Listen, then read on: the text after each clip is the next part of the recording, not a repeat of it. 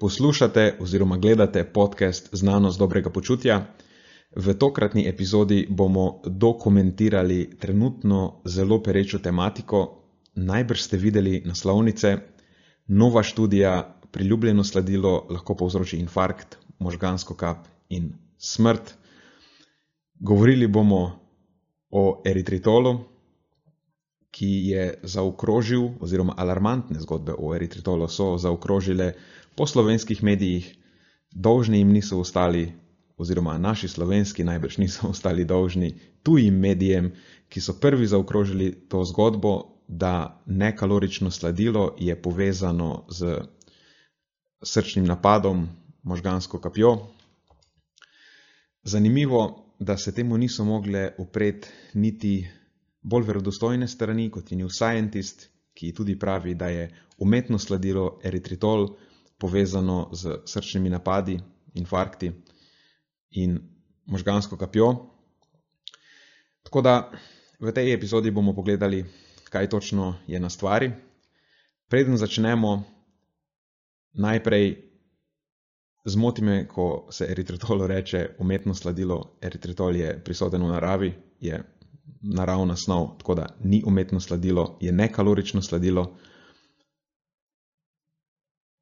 In druga stvar je ta, da vse te naslovnice lahko kar zanemarite, ker so netočne.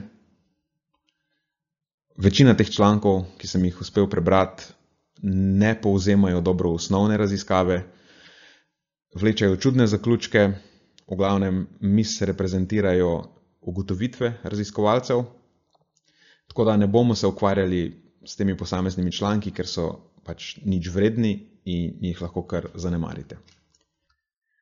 Kar pa bomo storili, pa je, da bomo preverili osnovni članek, torej ukvarjali se bomo z osnovnim člankom in poskušali ugotoviti, kaj točno pravi osnovni članek in kakšne ugotovitve lahko iz tega dejansko potegnemo in kako so te ugotovitve relevantne. Ta članek z naslovom The Artificial Sweetener Erythritol and Cardiovascular Event Risk je bil objavljen v dokaj prestižni reviji Nature Medicine. Na tej točki spet moram izpostaviti, da so tudi raziskovalci tukaj uporabili napačen izraz. Artificial sweetener, umetno sladilo, eritritol ni umetno sladilo, ampak kakorkoli, ukvarjajmo se z vsebino članka. Preden začnemo, bi povedal to, da je to v bistvu zanimiv članek in osebno sem uh, razočaran s pristopom evidence-based eh, množice in njihovimi povzetki oziroma ocenami te raziskave. Se mi zdi, da so vsi zelo hitro skočili na isti vlak in se trudili Eh, čim prej zavreči ta članek in zavreči njihove ugotovitve, torej ugotovitve raziskovalcev. Ampak, če se deklariramo kot evidence-based, torej, če želimo, da je naša praksa, da so naši nasveti, da odsevajo to, kar pravijo dokazi, potem to ni naša naloga. To ni naša naloga, kot mi je rekel Alan Flanagan, eh, ki mi je pri tem eh, projektu ki je pri tem mojem mini projektu odigral svetovalno vlogo, tako da hvala, Ellen. Torej, naša naloga ni, da a priori zavračamo članke, ki so mogoče pretirano alarmistični ali pa v medijih interpretirani napačno. Naša naloga je, da jih ustrezno interpretiramo in postavimo v ustrezen kontekst. In idealno mi bo nekaj takega uspelo s tem komentarjem. Tako da pripnite pasove in gremo. Torej, o čem se sploh pogovarjamo? V bistvu so se raziskovalci lotili zadeve na večjih ravneh raziskovanja in da bi zadevo lahko dobro razumeli in jo potem korektno interpretirali, jo moramo odpakirati lepo po vrsti. Uporabili so zasnovo, ki se začne z tako imenovano discovery kohorto, torej uporabijo kohorto, skupino udeležencev, na kateri nekaj probajo odkriti, torej Discovery kohorto. Discovery kohorto se tipično uporabi za to, da se identificira dejavnike, ki bi potencialno lahko bili povezani z nekim izidom, ki pač raziskovalce zanima. V tem primeru jih je zanimal dogodek, kompozit dogodkov s kratico MACE. To so Major Adverse Cardiac oziroma Cardiovascular Events oziroma hudi neželeni srčno-žilni dogodki.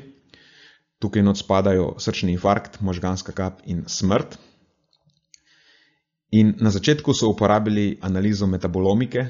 Analiza metabolomike je, kjer z naprednimi analitičnimi metodami merijo razne metabolite, pač različne stvari v obtoku, v krvi, ki se tam nahajajo v zelo nizkih koncentracijah in jih z normalnim odzemom krvi ne moreš zaznati.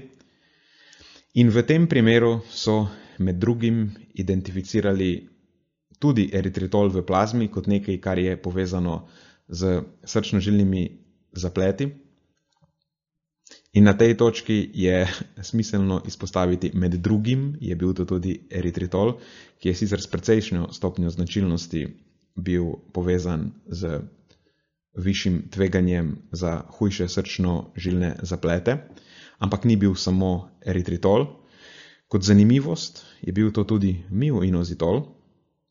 Um, za mioinozitol recimo vemo, da je dodajanje lahko koristno v nekaterih primerih, tudi v primerih, ki niso tako zelo nesorodni, kot je bil primer udeležencev, ki so bili vključeni v to kohorto.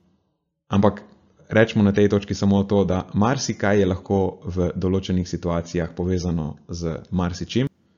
Oni so se pač tukaj odločili izpostaviti eritritol, ker je to nekaj, kar je prisotno tudi v prehrani, kar se dodaja kot nekalorično sladilo in v nadaljevanju so želeli preveriti, ali je eritritol v plazmi lahko povezan s temi hujšimi srčno-žilnimi zapleti oziroma srčnim infarktom, možgansko kapjo in smrtjo.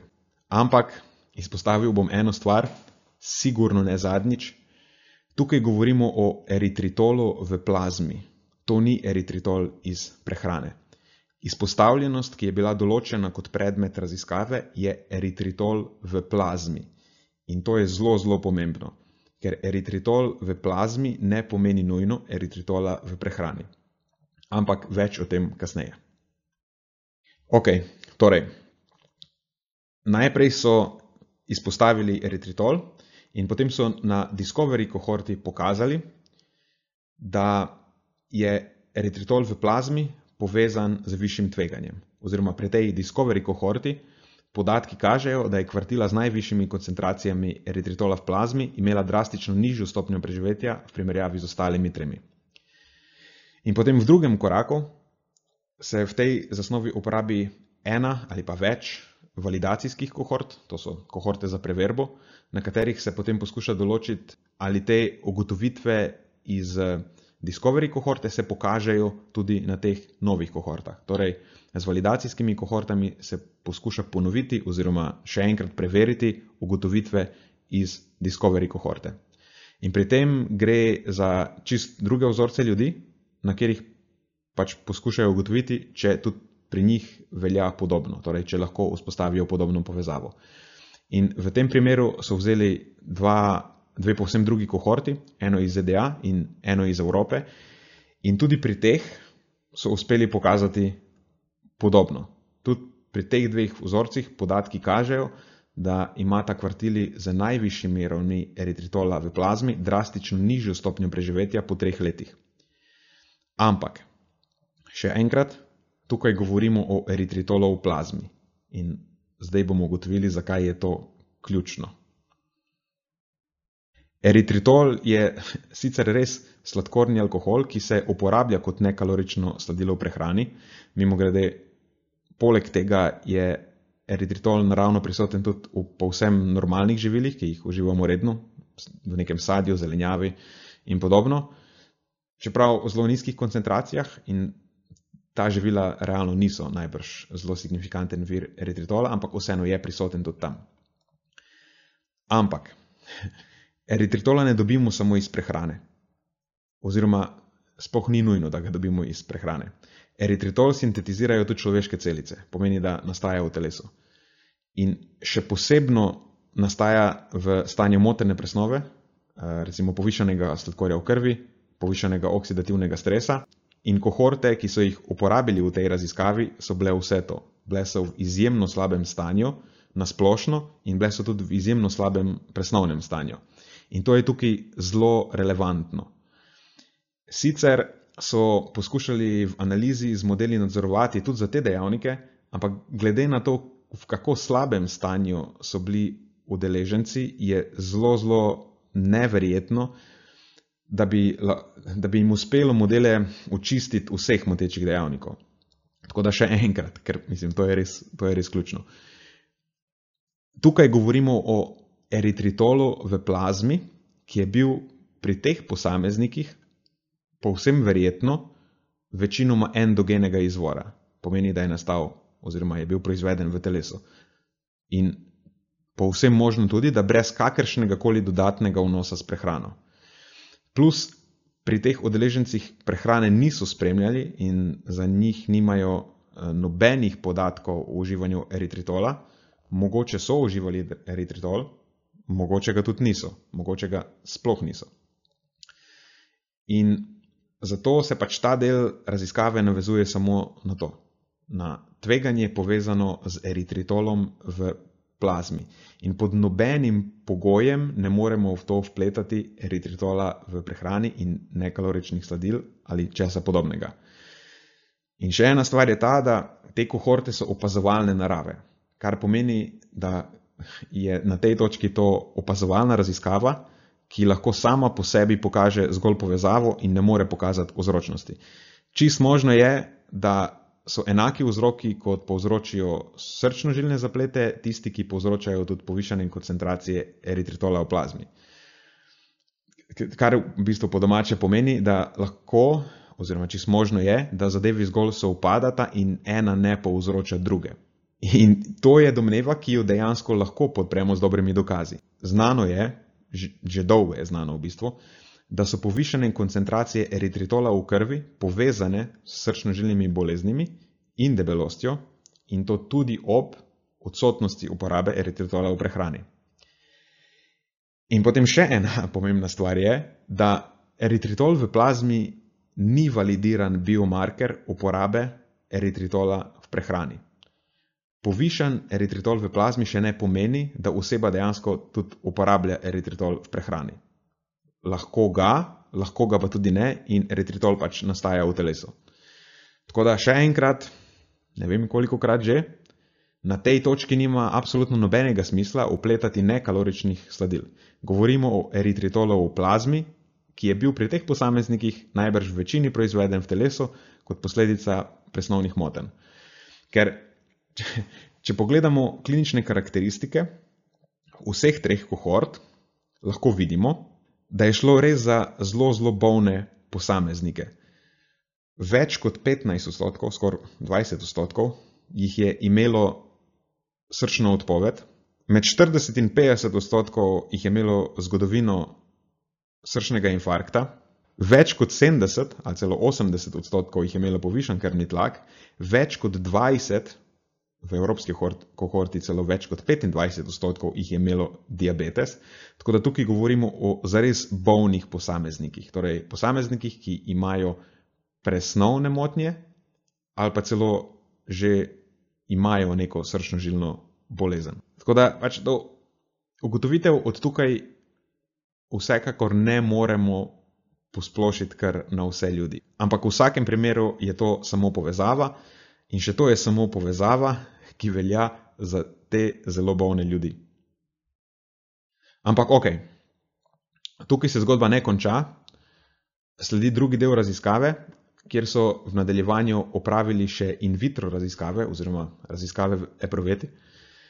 In s tem so poskušali ugotoviti mehanizem, po katerem bi povišane koncentracije eritritola v plazmi lahko dejansko povzročile um, hujši srčno-žilni zaplet. Najprej so preverjali, kako dodatek eritritola v mediji vpliva na um, odzivnost um, trombocitov oziroma krvnih ploščic.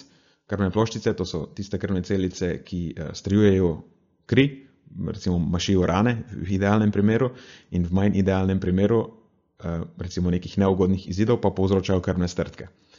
In v epruveti jim je uspelo pokazati, da dodan eritritol v relativno nizkih koncentracijah naredi ploščice bolj, rečemo temu, eh, lepljive in s tem nekako poveča vrednost nastanka strtka.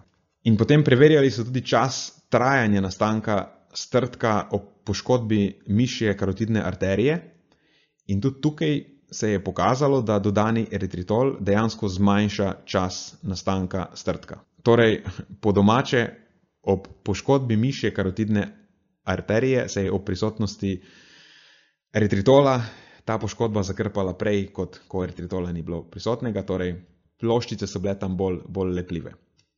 Kar v bistvu vse skupaj pomeni, da na tej točki obstajajo tudi dejanski mehanistični dokazi. Torej, eh, lahko nekako domnevamo, po kakšnem mehanizmu bi povišene koncentracije eritritola v plazmi lahko pri, prispevale hujšim srčno-želim zapletom, ker pač povečajo lepljivost krvnih ploščic in s tem najbrž povečajo verjetnost nastanka strdka.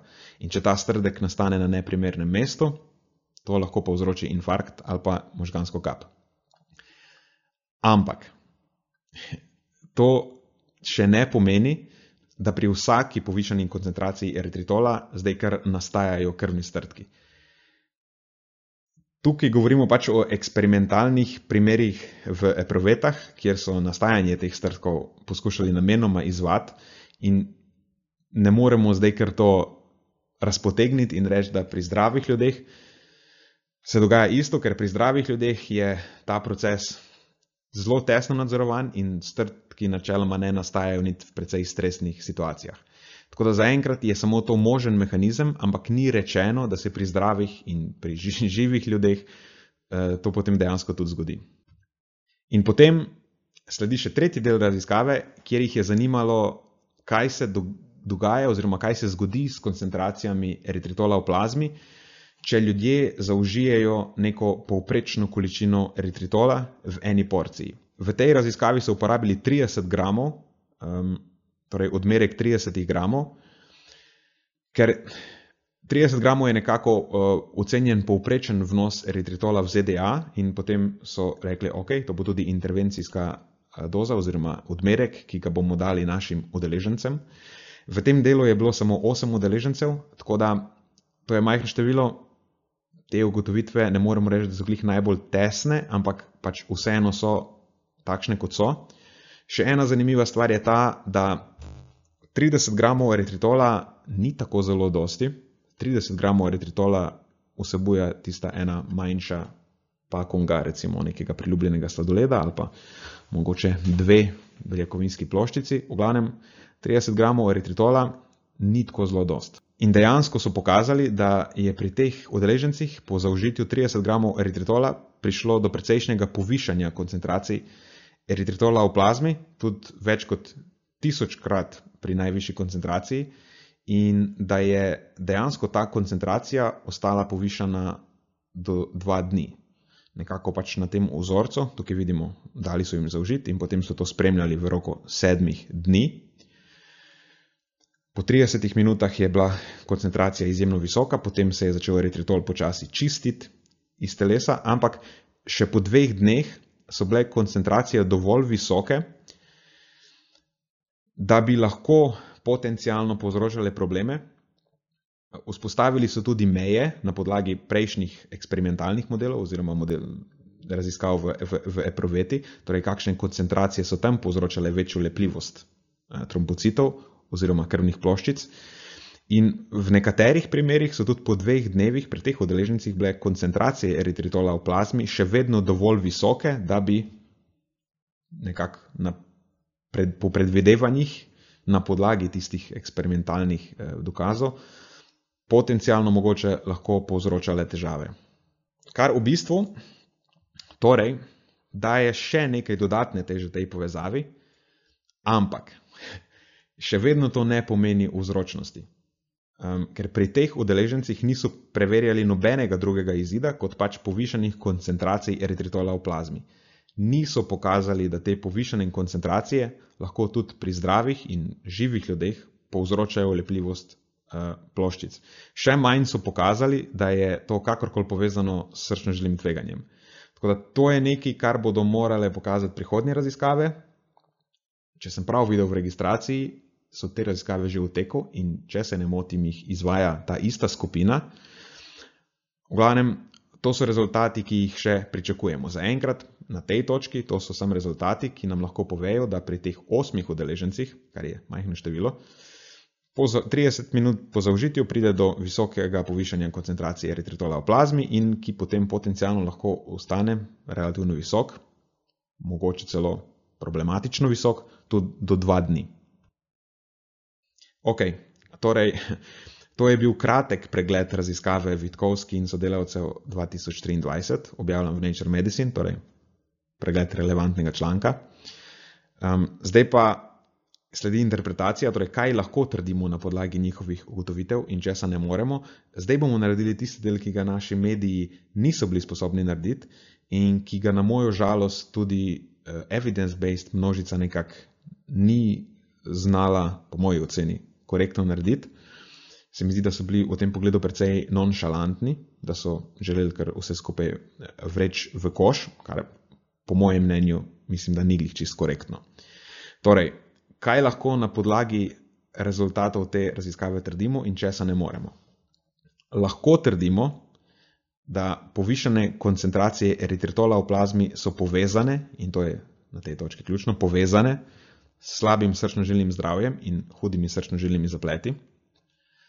Lahko trdimo, da poznamo mehanizem, po katerem bi povišene koncentracije lahko, morda, prispevale k hudim srčno-žilnim zapletom, to je torej povečana odzivnost oziroma lepljivost krvnih ploščic in zaradi tega mogoče povišeno tveganje za nastajanje strtkov. In lahko trdimo, da je pokazano, da uporaba eritritola v prehrani lahko povzroči močno in trajno povišanje koncentracije eritritola v plazmi pri nekaterih ljudeh. Ampak to je zaenkrat to. Zaenkrat imamo zgolj te tri ločene podatkovne točke, ki med sabo še niso povezane. In zaenkrat ne moremo trditi, da uporaba eritritola v prehrani poviša koncentracije eritritola v plazmi na enak način pri vseh ljudeh, ker tukaj smo pač imeli zelo posebne ljudi, ki so bili zelo, zelo bolni. Bolni na tak način, da lahko predvidevamo, da so imeli zaradi tega povišene koncentracije um, eritritola v plazmi. Tega torej ne moremo trditi. Ne moremo trditi, da povišene koncentracije eritritola v plazmi pri živih ljudeh, pri zdravih živih ljudeh, vplivajo dejansko na nek signifikanten način na to lepljivost ploščic, ki je problematična. Tega ne moremo trditi. In ne moremo trditi, da potencialno povečana lepljivost ploščic zaradi povišenih koncentracij eritritola v plazmi potem dejansko poveča tveganje. Teh podatkov nimamo in tega ne moremo trditi. Okay, kaj zdaj to pomeni v praksi? In kakšen je praktičen nauk, kakšne so praktične implika, implikacije, ki jih uh, lahko iz tega potegnemo, oziroma kako se zdaj mora poprečen posameznik obnašati do eritritola. Ampak preden to naredimo, je v naslednjem koraku smiselno še od te ugotovitve, te ene raziskave, postaviti v kontekst trenutno obstoječe literature na tem področju, ker pač ena raziskava sama po sebi ne more nositi velike teže, oziroma ta ena raziskava nam ne more služiti kot neka strašna opora, da bi lahko dajala kakršne koli konkretne nasvete oziroma priporočila. Dajmo začeti tako. Eritritol je ena zadeva, ki se raziskuje že precej časa. Res, da je v prehranski verigi prisoten manj časa, oziroma nekoč ni bil tako popularen, pa se je razširil v zadnjem času, ampak ni res, da je tako od včeraj na policah ali pa da še predvčerajšnjim nismo vedeli za to. Eritritol se raziskuje že več kot 20 let. In o eritritolu vemo že kar nekaj. Je pa tako, da ena relevantna zadeva, ki jo moramo izpostaviti, ker je relevantna tudi v, za, za cel kontekst tiste prejšnje raziskave, da se eritritol izloča skozi ledvice. In motnje v delovanju ledvic lahko močno prispevajo k trajno povišanim ali pa dlje trajajoče povišanim koncentracijam eritritola v plazmi, ker se pač zaradi motnega delovanja ledvic ta ne izloča učinkovito. In bolniki s presnovnimi tudi srčno-žilnimi boleznimi, te stvari pogosto se opadajo, imajo potem pogosto tudi okrnjeno um, delovanje ledvic. Tako da za nekoga, ki ima okrnjeno delovanje ledvic, je lahko eritritol še, bi lahko bil še posebno problematičen. Druga stvar je pa ta, da v bistvu eritritol ni samo slab. Dejansko je bilo pokazano, če glih. Pogosto je tudi to bilo pokazano samo v eproveti, um, je pa nekaj tudi dokazov na dejanskih živih živalih in živih ljudeh. V glavnem, imamo kar nekaj uh, podatkov ali pa rečemo temu dokazov, na podlagi katerih lahko predvidevamo, da ima eritritol tudi ugodne učinke. Recimo, lahko bi izboljšal delovanje užilja, imel antioksidativni potencial, lahko bi vplival na povečano sitost po obroku, povezan je tudi z nižjim krvnim sladkorjem, z nižanim energijskim vnosom. Tako da, zdaj, koliko so vsi ti učinki relevantni v praksi, ne me vprašati, ker ne vem točno. Mislim, da ne zelo, ampak vseeno imamo tudi te vrste podatke. Pač tudi te vrste podatki, ki kažejo na ugoden učinek, obstajajo. Tako da ni nekaj, kar bi bilo tudi nesmiselno zanemariti. In potem še to spet, kar je ključno, kar vemo že kar nekaj časa, kar je bilo že omenjeno prej, ampak je potrebno izpostaviti še enkrat, ker je zelo pomembno. Ljudje z debelostjo in ljudje s presnovnimi motnjami imajo že v osnovi povišene koncentracije eritritola v krvi. In imajo jih povišane tudi, če ne uživajo eritritola v prehrani. In te koncentracije se še povišajo, ko uživajo sladkor, recimo, ali pa ko jih obremenijo, um, oziroma ko jih testirajo z obremenitvenim testom z glukozo. Tako kot recimo v raziskavi Fiamončinja in sodelavcev, kjer so to pokazali. Bolni udeleženci so imeli že v štartu više koncentracije, ko so jih obremenili s testom z glukozo, so se te povišale še bolj. Tako da, precej relevantna zadeva. Plus, koncentracije eritritola v krvi poveča tudi oksidativen stres in povečajo jih tudi visoke koncentracije sladkorja v krvi, recimo pri diabetikih. In spet zelo relevantno na tej točki, ker so udeleženci v raziskavi Vitkovski in sodelavci bili točno to. Bili so ljudje s povišanim oksidativnim stresom in hudo povišanimi ravni krvnega sladkorja. Mislim, dvaj, več kot 20 odstotkov jih je bilo celo diabetikov. Tako da imamo kar nekaj dokazov, da sumimo, da ta eritritol v tistem primeru tam ni bil zaradi umetnih sladil, ampak je bil tam zato, ker je zaradi njihovih presnovnih motenj nastajal endogeno, torej proizvajalo ga je njihovo telo. In še ena stvar, kjer imamo tudi pokazano, je, kako zelo so lahko koncentracije eritritola v krvi povišene pri ljudeh z debelostjo, oziroma s povišenim krvnim sladkorjem, oziroma z nekimi presnovnimi motnjami. To lahko pokažemo na podlagi raziskave Hutmana um, in sodelavcev.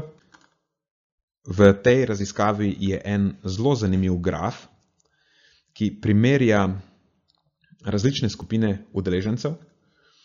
S številko ena so označeni udeleženci z debelostjo, s številko ena A so označeni tisti udeleženci, ki eh, aktivno pridobivajo telesno maščobo in vidimo, kako zelo močno so pri njih povišene koncentracije eh, eritritola. S številko ena B so označeni eh, tisti, ki imajo neko srednjo mero centralne debelosti in z ena C tisti, ki imajo najnižjo. Vidimo, da v bistvu več centralne debelosti, kot nekdo ima, oziroma celo če aktivno pridobiva telesno maščobo, više so koncentracije eritritola v njegovi krvi. In podobno v bistvu velja za ljudi s povišanim krvnim sladkorjem, ki so označeni s številko 6 in vidimo, da dejansko tisti, ki presegajo neko mejo zdravih ravni krvnega sladkorja, rečemo temu po domače, imajo lahko zelo močno povišene koncentracije eritritola v krvi. In potem še ena naslednja relevantna stvar, ki je eh, prav tako pokazana v tej raziskavi Hutmana in sodelavcev, je eh, farmakokinetika eritritola. Farmakokinetika po domače je, kako telo interaktira z neko snovjo, v tem primeru z eritritolom. Eh, še najbolj od vsega nas zanima, kako hitro ga izloča. In tukaj recimo imamo podatke treh udeležencev In isto testirali so jih z odmerkom eritritola, v tem primeru so jim dali 50 gramov eritritola, kar je še 20 gramov več kot pri Vitkovski in sodelavci. In vidimo, da se je zgodilo nekaj zelo podobnega. Recimo po eni uri, eni uri in pol, so koncentracije eritritola v plazmi dosegle vrh, kar pa je tukaj drugače od tiste prejšnje raziskave, je pa to, da je tukaj v bistvu že po, pri dveh urah, sploh pa po recimo proti trem uram, prišlo do kar strmega opada eritritola v plazmi. Tako da ti dokazi Vitkovskega in Hutmana niso glih zelo skladni. Vprašanje je, kakšne lastnosti so imeli udeleženci pri Vitkovskem. V tem primeru Hutmana in sodelavcev je šlo za zdrave ljudi, mogoče so zaradi tega izločali retritol hitreje, torej se je koncentracija v plazmi zniževala hitreje. In vprašanje, tukaj so sicer merili samo 200 minut, mogoče je po parih urah blažja koncentracija eritritola v plazmi pri teh zdravih udeležencih normalna. In so pri Vitkovski in sodelavci ostajale koncentracije visoke zato, ker so bili tisti ljudje mogoče bolj izpostavljeni, so bili bolni. Mm, tako da to so vse podatki, ki jih še čakamo. In um, za ta del obstajajo še starejši dokazi, kot že omenjeno. Zadeva se raziskuje že 20 let. To so rezultati iz leta 1996.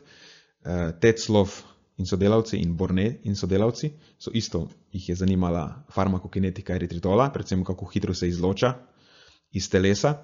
In recimo Teclov so ljudi spremljali nekaj dni, vsak dan so jih testirali, oziroma vsak dan so jim dajali odmerke eritritola, v tem primeru celo zelo visoke odmerke, torej en gram na kilogram telesne mase. Recimo, če bi bil jaz udeleženec uh, v tej raziskavi bi dobil še par deset gramov več kot v Hutmanu, torej krepko čez 50 gramov. In tukaj vidimo, tukaj so sicer meritve v, pri Teclofu, so meritve v uh, urinu, torej eritritol v urinu, vemo, izloča se skozi ledvice. Ampak enako vidimo, da se znotraj enega dneva očitno večina eritritola izloči, ker vmes med odmerkoma so koncentracije v urinu zelo nizke. In potem, ko jih spet eh, tretirajo z eritritolom, se koncentracije v urinu povišajo in se spet po nekaj urah vrnejo skoraj na normalne oziroma na izhodiščne in potem spet naslednji dan se povišajo in v bistvu to, če vsak dan uživajo eritritol, sledi nekemu normalnemu ciklu. Tako da to je še en dokaz, ki nam na podlagi katerega lahko malo posumimo v tiste večdnevno povišene koncentracije pri zdravih ljudeh. In potem še Borne in sodelavci, um, podobna raziskava, ki so tudi dajali udeležencem en gram eritritola na kilogram telesne mase, torej spet krepko več, so v bistvu ugotovili nekaj podobnega. Tukaj so jih sicer spremljali samo tri ure, so pa merili koncentracije eritritola v plazmi, podobno kot Vitkovski. In so ugotovili tudi, da recimo po eni uri, eni uri in pol, koncentracije dosežejo vrh, potem pa pri dveh urah, pri treh urah začnejo kar strmo opadati. In na podlagi tega spet lahko sklepamo, da že po parih urah se v bistvu koncentracije eritritola v plazmi bi lahko povrnile na neko izhodišče. Tako da je spet še enkrat vprašanje je, pri katerih ljudeh dejansko velja, da po zaužitju ustajajo koncentracije zelo visoke, zelo dolgo. In uh, to je to, v bistvu, to je celoten kontekst, to je kar trenutno vemo o eritritolu. Zdaj pa lahko naredimo konkreten zaključek. Torej, prva stvar. Ljudje z visokim presnovnim in srčno-želim tveganjem imajo povišane koncentracije eritritola v plazmi. To vemo. In sklepamo lahko tudi, da je to najbrž zaradi njihovih, eh, njihove motene presnove. Ker ljudje z visokim presnovnim in srčno-želim tveganjem imajo najverjetneje tudi moteno presnovo eritritola, okrnjeno delovanje ledvic, počasneje se izloča iz eh, obtoka oziroma iz telesa in tako naprej. Tako da to pomeni, da zdravi ljudje, kot smo videli in lahko sklepamo na podlagi starejših raziskav, da se zdravi ljudje zaenkrat najbrž ne rabijo povsem odreči uporabi eritritola, ker je čist možno, da se ta po zaužitju zelo hitro izloči iz njihovega telesa. Je pa tako, da ljudem z visokim presnovnim in srčnim žilnim tveganjem pa bi bilo vseeno morda smiselno odsvetovati redno uživanje višjih odmerkov eritritola. Tako da za nekoga, ki je pod višjim presnovnim oziroma srčno žilnim tveganjem, mogoče ni svetovati, da ves sladkor nadomesti z eritritolom. Se je mogoče boljše poslužiti kakšne druge metode. Omejevanje energijskega vnosa, recimo, če bi bil ta zanj um, koristen. Je pa tako, da za vsak slučaj, za enkrat, morda tudi za zdrave posameznike, ni glih najbolj priporočljivo uživati višjih odmerkov eritritola dnevno, neko mejo, ki bi jo lahko postavili, recimo več kot 30 gramov dnevno. Um, čeprav tukaj na tej točki je vprašanje, koliko tudi če pride do povišanih koncentracij, koliko je to pri zdravih ljudeh dejansko škodljivo in kako dolgo te koncentracije ostanejo povišane. Veliko je enih vprašanj. Zaenkrat na podlagi ene raziskave um, mene ni zelo strah, jaz bom še zmeraj užival svoj uh, najljubši low calorie sladoled s, s eritritolom, mogoče ne vsak dan, um, ampak kot že rečeno, vsem se mi zdi, da zasnova raziskave Vitkovskega in sodelavcev je bila precej lepa, meni se je zdela elegantna, ne vidim nekih strašnih pomanjkljivosti, ima določene pomanjkljivosti ne bi je pa kar vrgel v koš, no, da jim rečemo tako. Tako da, če potegnemo črto, kar dve najbolj pomembni zadevi sta, da eritritol zaenkrat pač ne spada med najbolj varna nekalorična sledila. To sicer ne pomeni, ne moramo reči, da je nevaren, Je pa smiselno svetovati zmernost pri uporabi, za enkrat. Ko bomo dobili tisto drugo raziskavo, ko bomo vedeli več konkretnih stvari, lahko podamo bolj konkretna priporočila. Za enkrat bi jaz svetoval zmernost pri uporabi eritritola. In eh, pač na tej točki se mi zdi bolj smiselno uporabljati nekalorična sladila, ki so potrjeno varna, recimo sukralozo, aspartam, ciklamate. Tako naprej. Vse tisto, kar smo že do zdaj veselo uporabljali, in vse tisto, kar je v literaturi precej dosledno, oziroma precej dosledno ni povezano z ničim neugodnim, kvečemo večinoma z um, ugodnimi učinki. Tako da to bi bila, po mojem mnenju, um, korektna interpretacija raziskave Vitkovski in sodelavci in um, nekako zadeva postavljena v kontekst.